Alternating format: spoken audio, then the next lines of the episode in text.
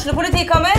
Ine Jansen er purk. Er du purk? The motherfucking bitch. Alt jeg vil, er å finne ut hva som skjedde med mannen min. Jon Carew. Er jeg sikta for noe? Iben Akeli. Det er du. Ole So, Lars Berrum og Big Daddy Karsten. Hvem sin side er du på, egentlig? Anette Hoff, Tone Danielsen, Kommer du fra Afrika?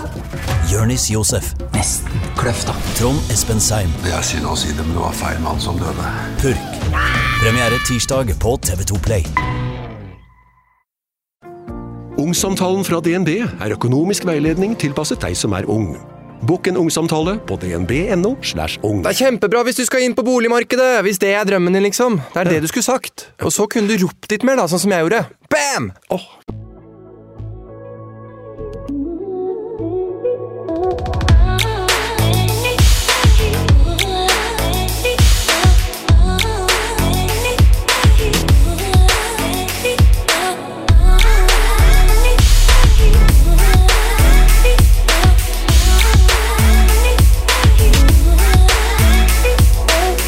Hallo og god torsdag. Nå er jeg på vei til studio for å få besøk av Frida Marie Grande, som mange kanskje kjenner igjen fra Instagram-kontoen Frida tegner.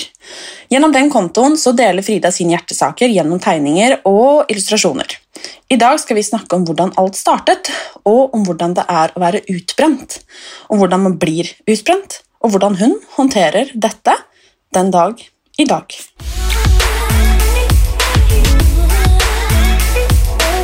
Dette har jeg gleda meg skikkelig til. Velkommen, Frida. Jeg spurte akkurat om jeg skal si Frida Marie eller Frida, men nå hang jeg meg helt opp. Frida sier vi her i dag. Ja, tusen takk. Så hyggelig å være her. Veldig hyggelig. Jeg har som sagt uh, gleda meg, for jeg syns det er eh, veldig hyggelig og inspirerende og kult å prate med kule, bra, tøffe damer med bra hjertesaker, og som har sånn levende, deilig engasjement som det du har. Det er uh, Så det gleder jeg meg til, og føler jo at vi eh, har veldig samme verdier, Ja, absolutt. og det er eh, veldig Veldig bra. Men jeg eh, har lyst til å bli kjent med deg i dag. Dine hjertesaker. eh, og vi skal snakke om mye viktig. Eh, sånn blir det jo når to sterke stemmer eh, settes foran hver sin mikrofon. Um, og vi skal jo også snakke om eh, det å være utbrent. Mm. Men eh, jeg har lyst til å høre hvor egentlig denne reisen din begynte.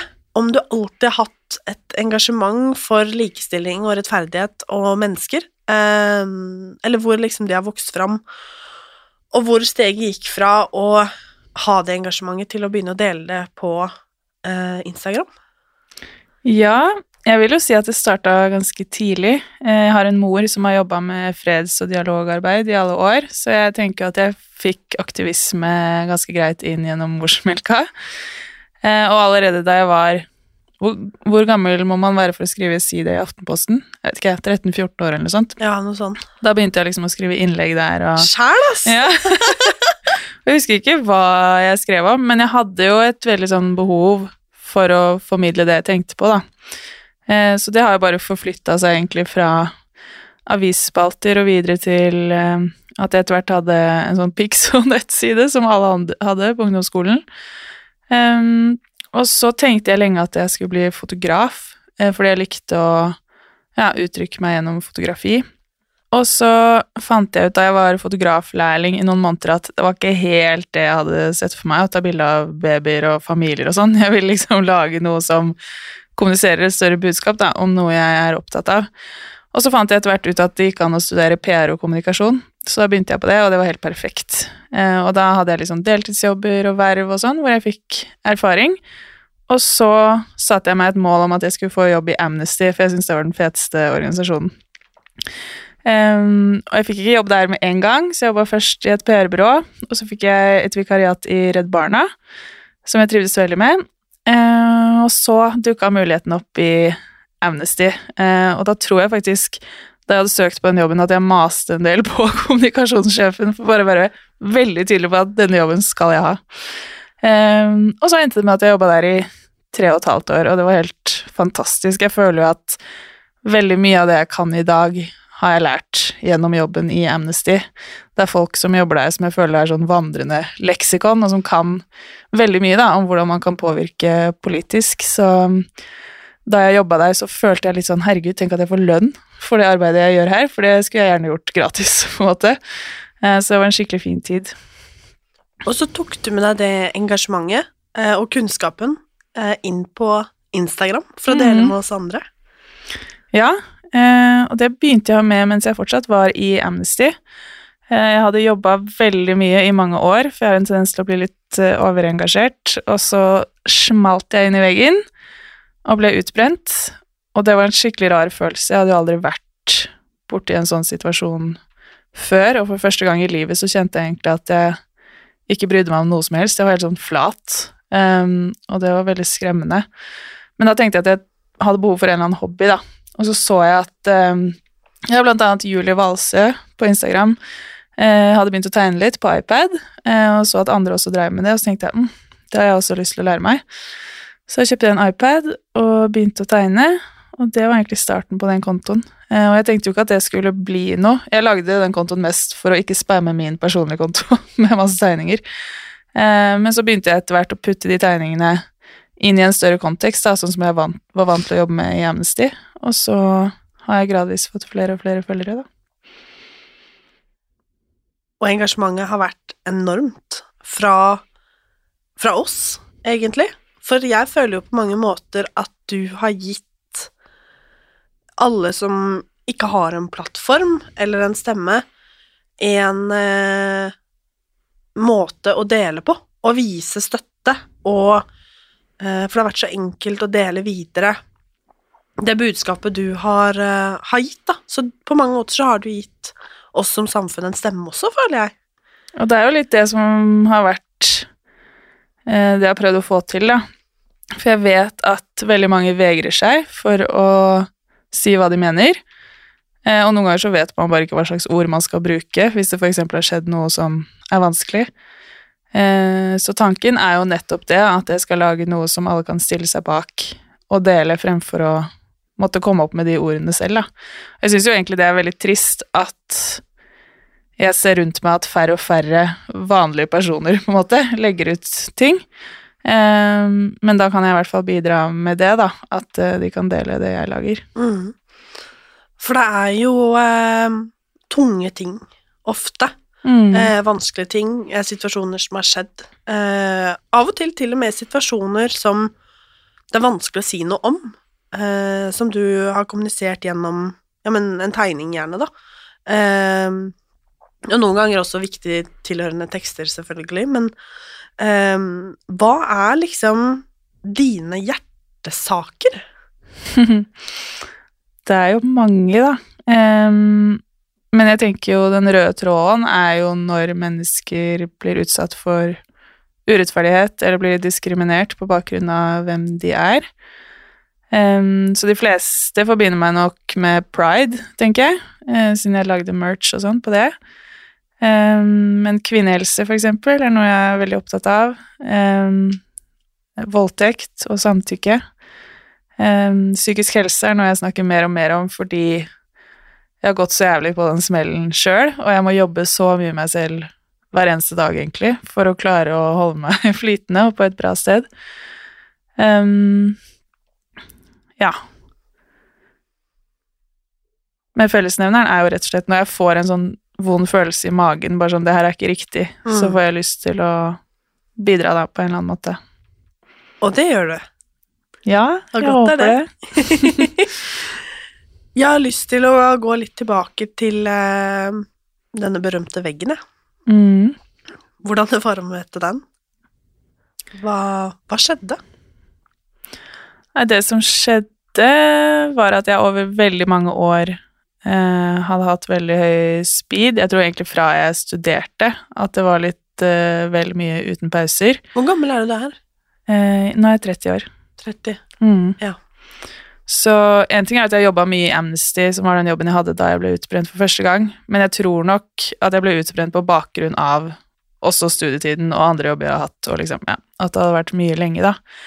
Eh, Men i Amnesty var jeg jo selvfølgelig ekstra engasjert, fordi jeg syns absolutt alt Amnesty jobber med, er kjempeviktig. Um, og jeg ville liksom aldri legge det fra meg, så hver gang jeg så en mulighet til å snakke om et tema på et tidspunkt hvor folk faktisk gadd å lytte, så følte jeg at nå må jeg gjøre det, og da klarte jeg aldri å koble meg av jobb, rett og slett. Så på et tidspunkt når vi satt på hjemmekontor, så hadde jeg møte med et par veldig fine kollegaer, og så spurte de bare hvordan det gikk.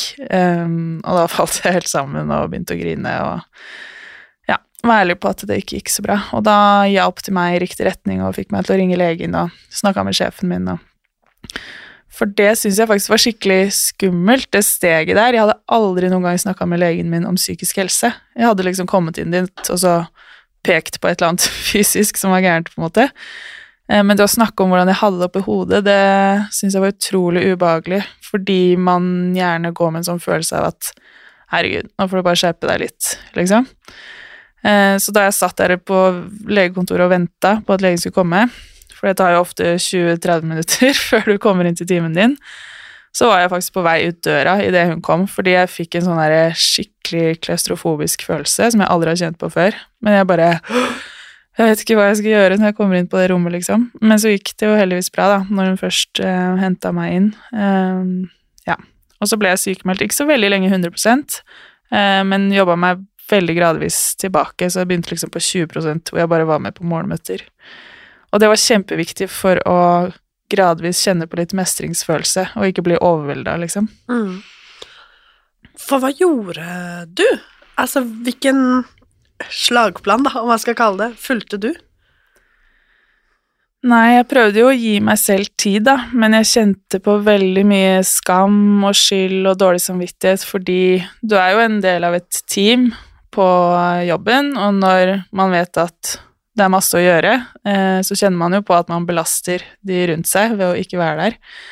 Eh, så det måtte jeg jobbe veldig mye med, og ikke skamme meg absolutt hele tiden. Eh, og da hjalp det å liksom så enkle ting som å gå ut en tur og liksom få frisk luft. Og lufte de tankene man har da, med folk man er glad i. Og så skjønte jeg også dessverre at antagelig var på tide å bytte jobb. Selv om jeg hadde planer om å jobbe i Amnesty resten av livet, så kjente jeg sånn nå begynner jeg å bli hun litt sure dama.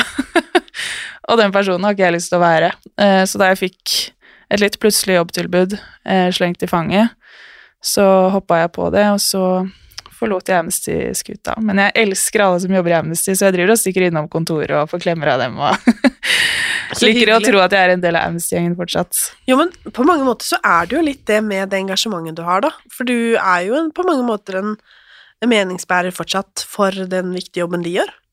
På mange måter. Ja, jeg prøver jo å bidra, jeg tenker at det er veldig positivt for de fleste organisasjoner, egentlig, at det er flere stemmer som snakker om det samme. Mm. Eh, Så jeg håper jo at jeg eh, bidrar positivt sånn sett, da. Men hva har du lært av å være utbrent?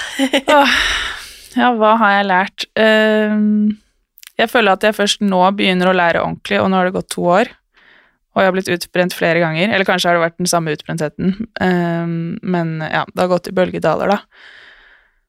Og først nå, to år senere, så kjenner jeg at jeg har klart å liksom plassere de ulike erfaringene i noen bokser og se et mønster i hvordan jeg har hatt det. Eh, og så har jeg også fått hjelp gjennom det offentlige, da, og snakket, For et år siden så bestemte jeg meg for å gå fast til psykolog, kaste hva det koste vil, liksom. Og nå går jeg til psykolog hos DPS, som liksom har utreda meg, da. Og det hjelper så utrolig mye å få noen svar, selv om det ikke er sånn to streker under svaret, så hjelper det med å skjønne at du er ikke gæren, eller det er ikke din feil, liksom. Det er noen mekanismer i kroppen din som spiller inn da, på at du plutselig blir veldig eh, deprimert. Så det har vært veldig nyttig for meg, og nå prøver jeg også aktivt å gjøre bra ting, for eksempel å skrive ned følelser, både de negative, men også å minne seg selv på alt det positive. Og det høres jo litt sånn banalt ut, men for meg så føler jeg at det hjelper ganske mye. Mm. Jeg eh, så at du var på reise til en hytte. Ja. Um, for jeg har vært veldig mye alene de siste årene, uh, i egentlig det livet jeg lever. Uh, ikke nødvendigvis at jeg har valgt det selv, men at uh, jeg har bare måttet handle det, på en måte. Um, og når jeg så at du var der, at du hadde reist til en hytte for å være liksom egentlig helt alene, ehm, så husker jeg at jeg tenkte litt den derre Shit, det der syns jeg vi skal bli flinkere til. Mm. Um, og det høres kanskje litt sånn hva skal man si, flåsete ut, på en måte, men det å bare gjøre ting med seg selv for seg selv Og så lurer jeg egentlig litt på hva du følte, og hva du erfarte når du var så alene som Ja, når man reiser til en hytte, da. På et, eller på hyttetur aleine. Hyttetur Jeg tenker meg det sånn, ah, man skal med venner eller familie, og Ja. i stor, stort og vei, liksom. Mm. Hvordan var det? Nei, jeg syns det er veldig deilig å være alene. Men det er jo også krevende når man ikke har det så bra. Men jeg liker å kunne få ut de følelsene uten at eh, noen sitter og stirrer på meg og hele tiden skal spørre hvordan det går, liksom. Fordi når jeg har det så dritt som jeg kan få det, så har jeg seriøst ikke noe godt svar på hva som er gærent. Altså, jeg bare Det er en følelse som har satt seg i kroppen min, og jeg vet ikke hva jeg skal gjøre, og jeg vet ikke hvorfor, og ting er bare dritt, liksom. Eh, så for meg så er det deilig å komme meg litt vekk, også fordi da føler jeg ikke at jeg er en byrde i like stor grad, da. Eh, men den fluktresponsen er jo ikke nødvendigvis så veldig positiv, liksom. Så det kommer jo veldig an på hvilket humør jeg er i, om jeg trives med å være alene eller ikke. Men jeg føler i hvert fall nå, jo eldre jeg blir, at jeg i større grad klarer å gi slipp på at den tanken om at det liksom er noe feil ved å gjøre ting alene, at det tilsier at det ikke finnes mennesker som er glad i deg, og som har lyst til å gjøre noe sammen med deg, men at det heller er du som selv velger eh, å gjøre noe på egen hånd fordi det er deilig, da. Så sånn som, ja, den uka her så skal jeg faktisk på The Well og sove over en natt alene, og jeg gleder meg så sykt. Så digg. ja. Herregud, jeg heier så sjukt på sånne ting. ja, og jeg har sett flere nå som også har dratt på liksom alenetur til Bali, og jeg var sånn, yes, det skal jeg også. Ja, men det er dritkult. Mm. Og at det å være alene nødvendigvis ikke er på en måte et, et symptom da, på noen ting, liksom, Nei. men at det kan være et, et valg. Det syns jeg er så fint, og det der å rett og slett sette litt på pauseknappen. Ja, og det er så sykt viktig å være bevisst på, og jeg føler at man faktisk må integrere det i tankene man har hver eneste dag for å huske på den pauseknappen, for det er så Mhm. veldig lett å glemme. Og så plutselig står du der og føler deg superfrustrert fordi du ikke får til alt det du har lyst til å få til, eh, fordi du setter altfor høye krav til deg selv. For jeg tror jo at eh, veldig mange føler litt den derre Ja, jeg hører hva dere sier, ikke sant? Den har jeg følt masse på selv, når folk bare sånn Ja, nå må du huske å hvile litt, da. Mm. Ikke sant? Nå får du ta deg en pause. Nå- Du må ikke stresse så fælt, sier folk når man er stressa. Og jeg bare Å, hold kjeft, liksom. Kjempebra tips. Ok, liksom, nå skal jeg gjøre det. Altså, skjønner du hva jeg mener? Mm. Um, og jeg lurer derfor litt på hva du gjorde for å klare det. Og så skjønner jeg på mange måter at man kan si sånn Nei, men man må velge det selv, på en måte. Mm. Men jeg bare Nå skal jeg bare hoste, sorry. Men jeg bare lurer på, liksom Hvordan klare å finne roen til å ha en pause, og vite hva man skal bruke pausene til. Ja, ikke sant. Jeg tror jeg har lært mye ved å gå i terapi, da, og bli litt sånn utfordra på tankekjøret mitt, for det er jævlig mye rart som foregår oppi det huet her, som ikke gjør meg noe godt. Altså, det er sånn, det er ofte et spørsmål psykologen stiller, bare sånn Ja, hvordan hjelper det deg? De negative tankene der, så bare Nei, det har jo null for seg, det. Det bare drar meg ned, liksom. Så jeg har måttet få hjelp til å klare å stoppe en sånn negativ spiral, da, og prøve å snu om på det, liksom. Men, men altså, jeg har ikke noe sånn god oppskrift, for jeg føler fortsatt at jeg må jobbe med det hver eneste dag. Før jeg kom hit, så var jeg hos eh, psykologen, da hadde vi samme samtale på nytt. Men det er kanskje noe av det viktigste jeg har gjort, da, og det er å bestemme akkurat det, at jeg skal gå i terapi, også når jeg begynner å føle meg bedre, fordi det er så preventivt og lurt å gjøre for den perioden som kanskje kommer, som er vanskeligere igjen. Og det tenker jeg også med parterapi, for eksempel. Det har jeg og samboeren min nå testa, og det er sykt bra. Selv om det også er dritskummelt, så tenker jeg sånn alle par burde gjøre det, bare gå jevnlig. For da tror jeg man unngår så mye drit da, som kan bli skikkelig vanskelig. Mm. Preventivt syns jeg er et fint ord for det. At man liksom For jeg tror jo gjerne at man ehm, tar tak i ting når det har gått for langt. Ja, det er Det er jeg ekspert på, i hvert fall. Når det liksom henger i en tynn tråd, da skjønner man bare sånn Ok, nå må vi ta grep her, liksom. Ja. Så det syns jeg er veldig fint å høre litt det der at det, det går an å jobbe med seg selv eh, også når ting er bra. At det er Mm. kanskje da det er viktigst å gjøre det, til og med. Ja, det er akkurat det. Og det, ja, når du sier det, så kommer jeg også på at jeg har blitt mye flinkere til å nyte det når jeg kjenner at jeg har det bra. Um, for det har jeg nok ikke vært så flink til tidligere. Men sånn som nå har jeg hatt fire uker, faktisk, hvor jeg ikke har hatt noen depressive episoder. Sånn, alle dager har jo ikke vært perfekt, men jeg har ikke havna skikkelig i kjelleren. Og det setter jeg så enormt stor pris på, eh, spesielt fordi høsten har hatt mange sånne episoder, da. Så nå er jeg nok flinkere bare når jeg går ute på gata og liksom nyte sola ute i dag, for eksempel, og bare ta det ordentlig inn, da.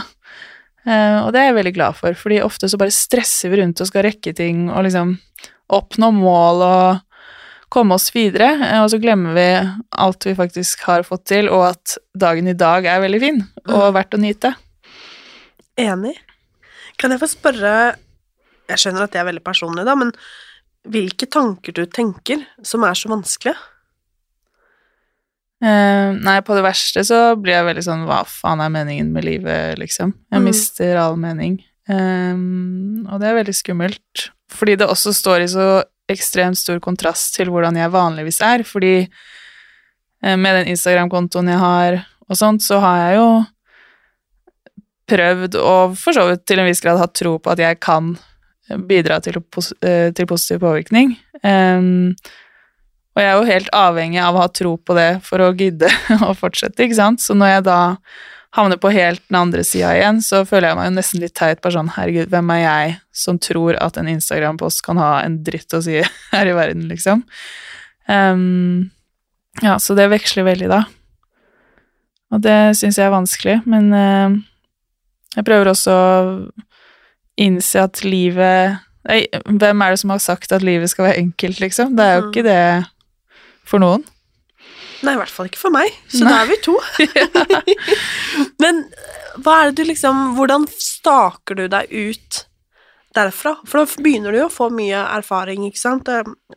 Vært, hva skal man si, av og på eh, utbrent, eh, som vel egentlig høres ut som samme utbrentheten, bare at eh, det tar dessverre veldig lang tid, og gått til psykolog og gått til terapi, og jobba mye med deg selv. Hvordan, når det er så mørkt at du til og med liksom tenker på hva faen er meninga med livet, liksom, hvordan staker du deg derfra og videre til en dag som i dag, liksom? Nei, akkurat der og da så klarer jeg ikke å gjøre noe som helst fornuftig, egentlig. Men eh, det jeg antageligvis sliter med, da, er noe som kalles eh, kortvarig tilbakevendende depresjon. Så det vil si at du har én til tre dager ish, i hvert fall for min del, hvor det er bare bekmørkt. Og så plutselig våkner jeg opp en dag og er sånn Det er ikke sånn at jeg elsker livet, liksom, men det derre lokket har forsvunnet, da. Eh, Så jeg føler at det har vært ganske sånn utenfor min kontroll. Ehm, og så har jeg jo nå ganske mange ganger erfart at det faktisk går over, og nå som jeg har fått en boks å putte det i, hvor jeg skjønner hva det er som skjer, så tror jeg også at det har hjulpet meg til å ha det bedre og ikke være så redd for neste runde. Så jeg tror også litt av grunnen til at jeg har hatt det fint i fire uker nå, er at jeg jobber veldig for å ikke tillate at det skal skje. Eh, Så når jeg begynner på det tankekjøret, som jeg har hatt to netter nå før jeg sovna, så klarer jeg nok å stoppe det litt tidligere, da, for jeg tenker sånn Men det er ikke det jeg egentlig mener når de tankene kommer, så jeg må prøve å liksom dytte de vekk. Men eh, jeg klarer det ikke alltid. Men det hjelper eksempel å skrive det ned i en bok og liksom putte det et sted. Det syns jeg. Jeg har lyst til å snakke litt om, eh, om pride eh, og eh, engasjementet ditt rundt eh, det, som var helt fantastisk, med Hva skal vi kalle det? Hvordan eh, pride ble i fjor. Eh, med Det var jo en tragedie, Mm. rett og slett. Men så klarte du, eh, med noen andre også, å liksom eh, bruke det og fortsette å spre kunnskap og kjærlighet, ikke minst. Eh, og du lagde også en kjempestor eh, innsamling med å selge produkter, eh, som ble vel over én million kroner. Gjorde du ikke Mm. det? Det er jo helt fantastisk, Frida. Ja, det var helt sjukt. Jeg ante ikke hva jeg skulle forvente, men jeg tenkte sånn Å, det er fett om vi får inn 100 000, liksom. Ja, ja, ja. Og så ble det så mye penger som gikk til innsamling, liksom, til Pride, da, Mm. eh, som organisasjon. Og hvorfor har det eh, vært så viktig for deg? Nei, det er en typisk sånn sak som jeg kjenner skikkelig i kroppen at, opprører meg, fordi det bør liksom være helt åpenbart at eh, folk skal få elske den de vil. Det er ingen logikk i verden som liksom får meg til å forstå noe annet perspektiv. Ehm, så derfor har det vært viktig for meg, og så har jeg jo jobba i Amnesty i flere år, så jeg vet liksom at én ting er situasjonen i Norge, men på verdensbasis så er det jo liksom helt fullstendig krise. Uh, og så er det jo mennesker jeg er glad i, da, som er skeive, og som jeg blir veldig lei meg for at uh, ikke skal ha uh, samme muligheter som alle andre. Um, ja, så det er jo grunnen til at jeg engasjerer meg i det. Mm. Og du har også, spesielt i det siste, men også egentlig hele tiden, engasjert deg for en av mine største hjertesaker, og det er kvinnehelse. Mm. Um, det er jo noe som Jeg husker første gang jeg uh, skulle dele noe om endometriose.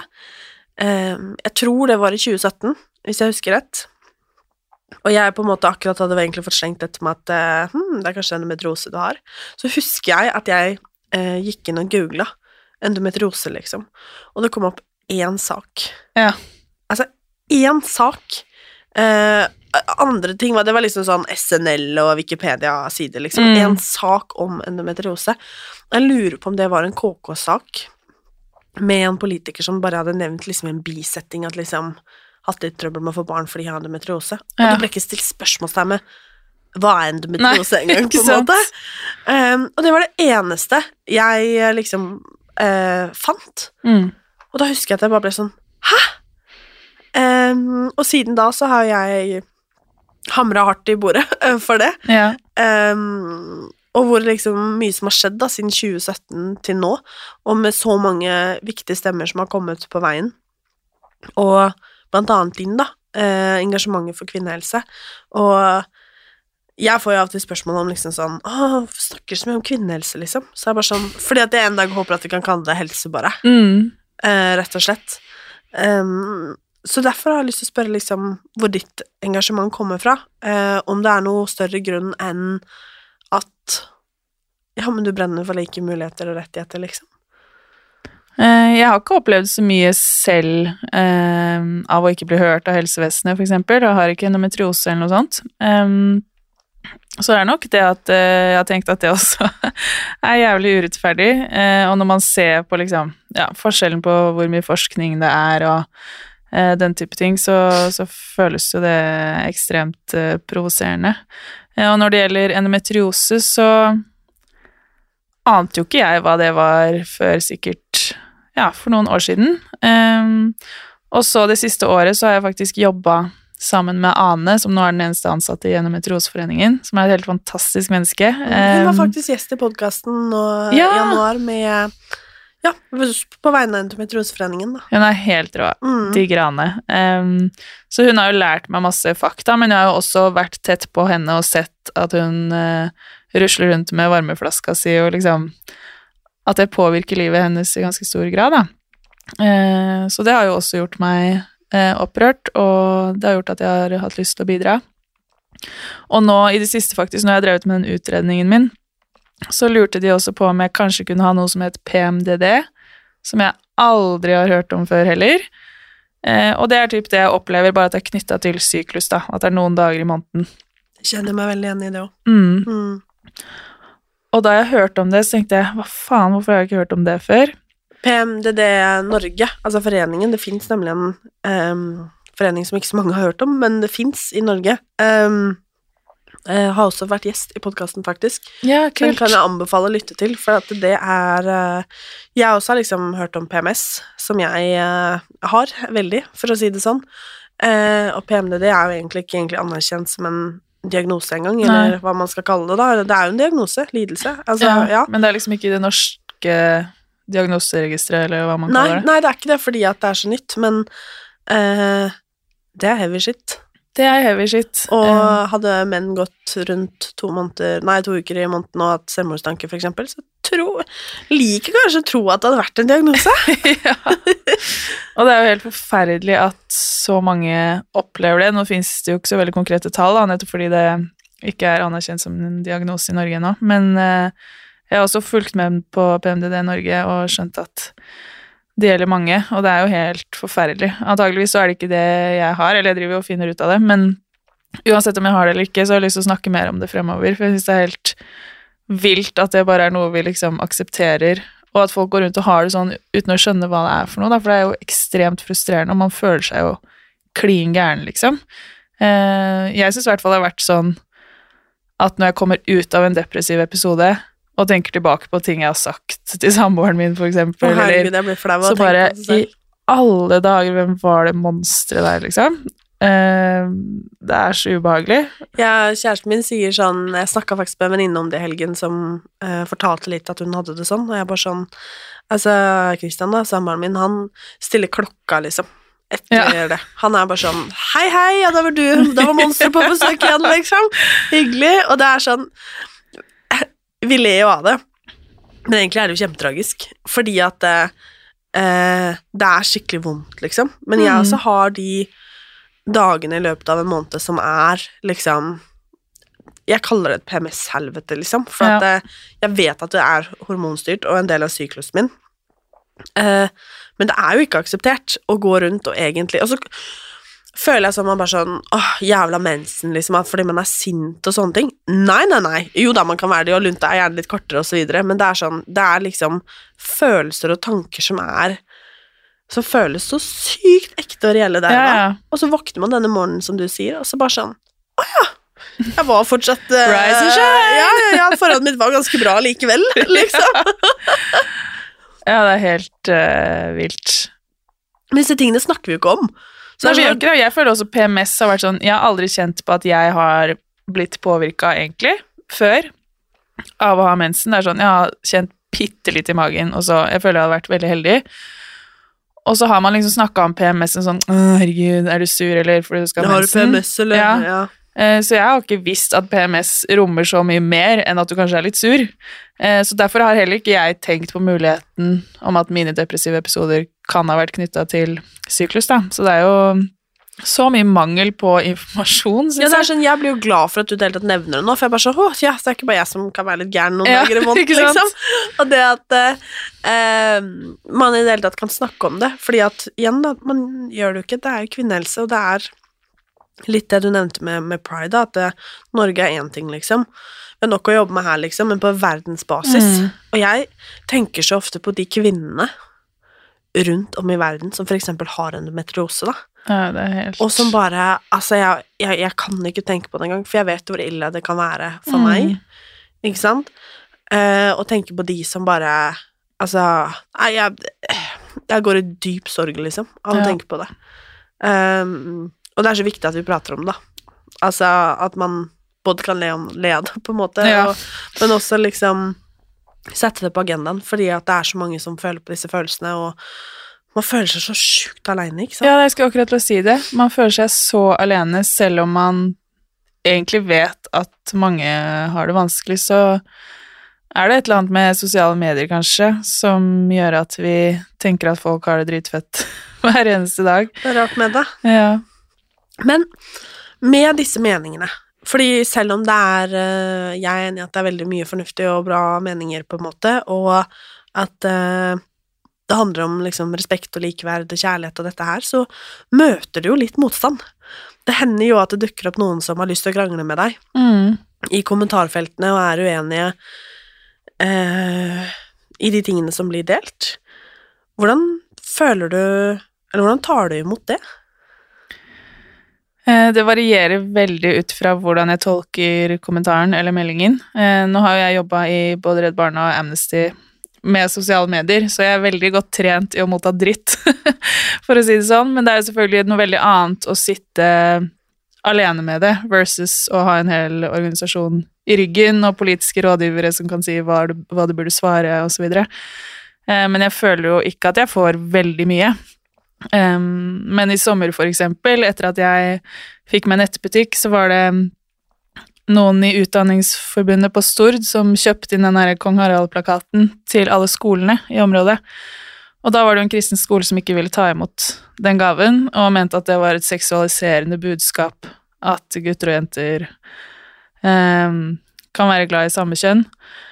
Og da Jeg vet jo at de holdningene eksisterer, liksom, men eh, jeg syns det er spesielt trist når det kommer fra en skoleledelse som tross alt har ansvar for å utdanne barn, og statistisk sett så er det jo mest sannsynlig noen på den skolen, selv om den er veldig liten, som er skeive, og da kjenner jeg at det liksom Da sliter jeg.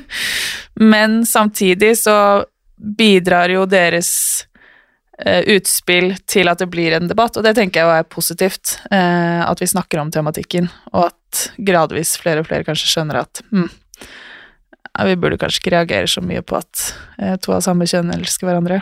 Mm.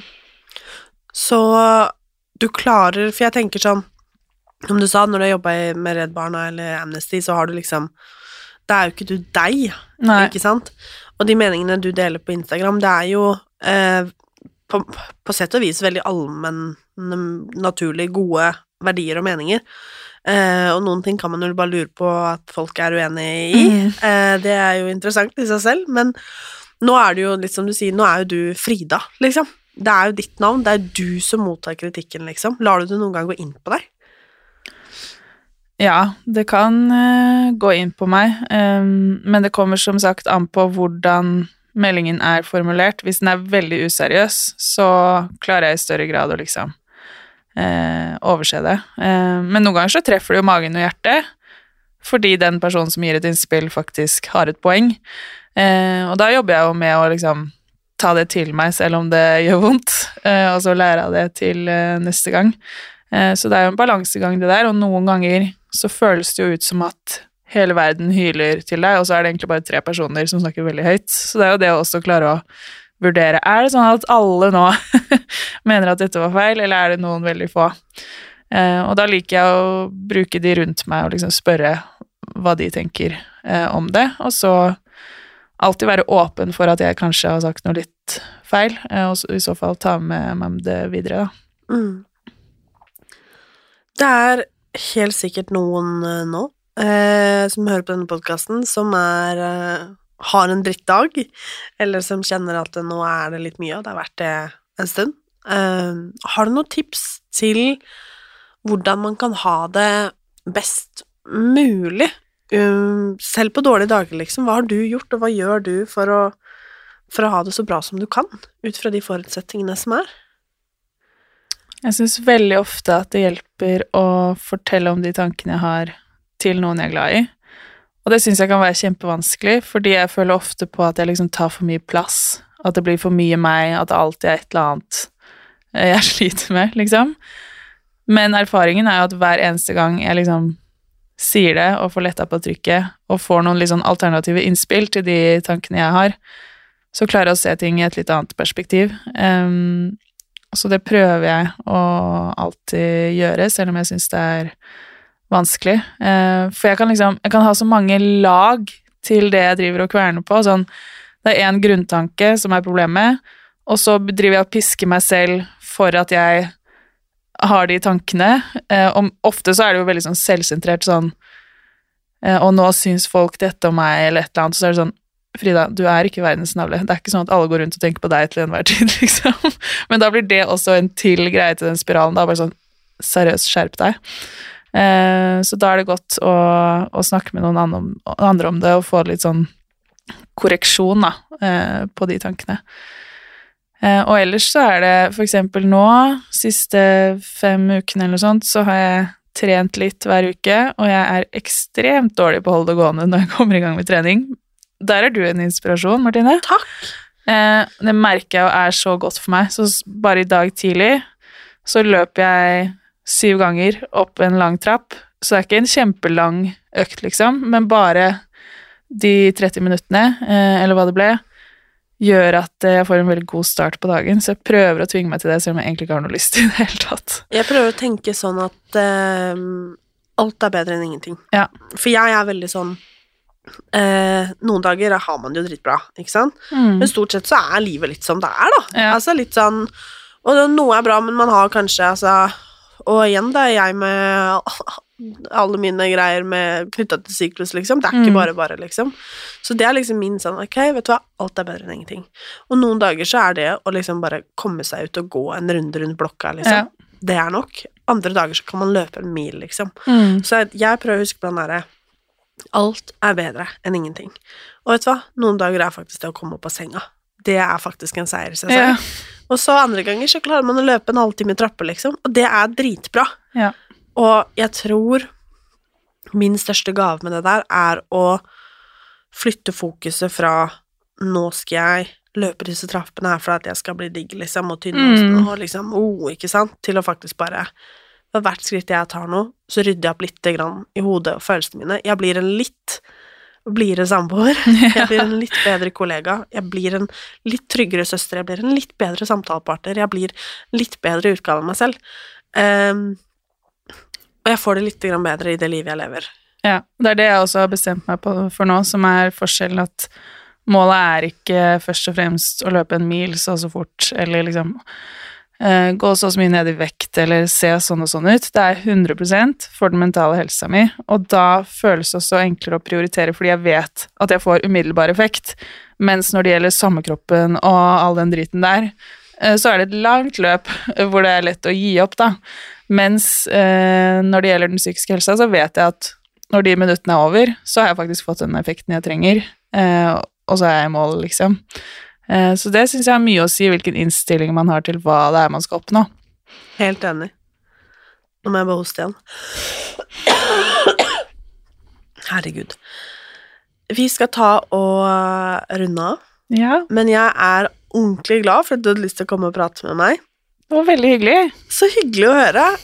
um, og mitt siste spørsmål er egentlig da Hva håper du blir annerledes i 2023? Oi, sånn generelt, Ja, liksom. eller sånn med de, dine hjertesaker, kanskje, da. Noe du har jobba for, eh, og brukt liksom din stemme til å Ja, men endre, da, på en måte. Ja. Akkurat nå så føler jeg at det er en skikkelig sånn positiv vind som går gjennom landet når det gjelder kvinnehelse. At veldig mange er opptatt av det, og ikke bare kvinner, eh, som er veldig fint. Jeg føler det er mange ulike mennesker med forskjellig publikum som snakker om det, eh, og som kommer til å stille krav fremover. Eh, og det er skikkelig deilig. Så apropos liksom, vi snakka om før på den viksen og liksom hva det betyr å være influenser og sånn, så føler jeg at den bransjen som ja, er veldig sammensatt, eh, nå består av mange stemmer som virkelig kan bidra til å dra lasset da, i riktig retning, og det syns jeg er skikkelig kult.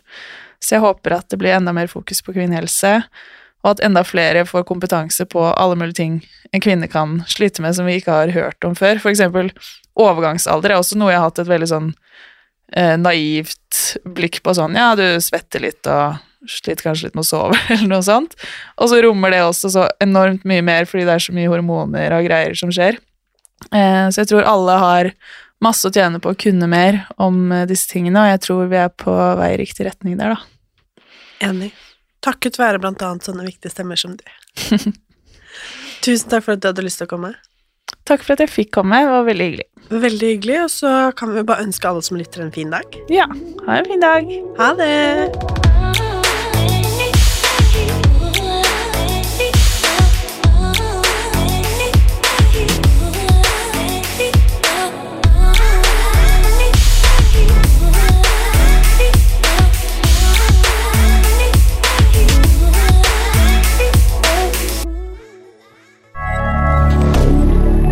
Moderne media.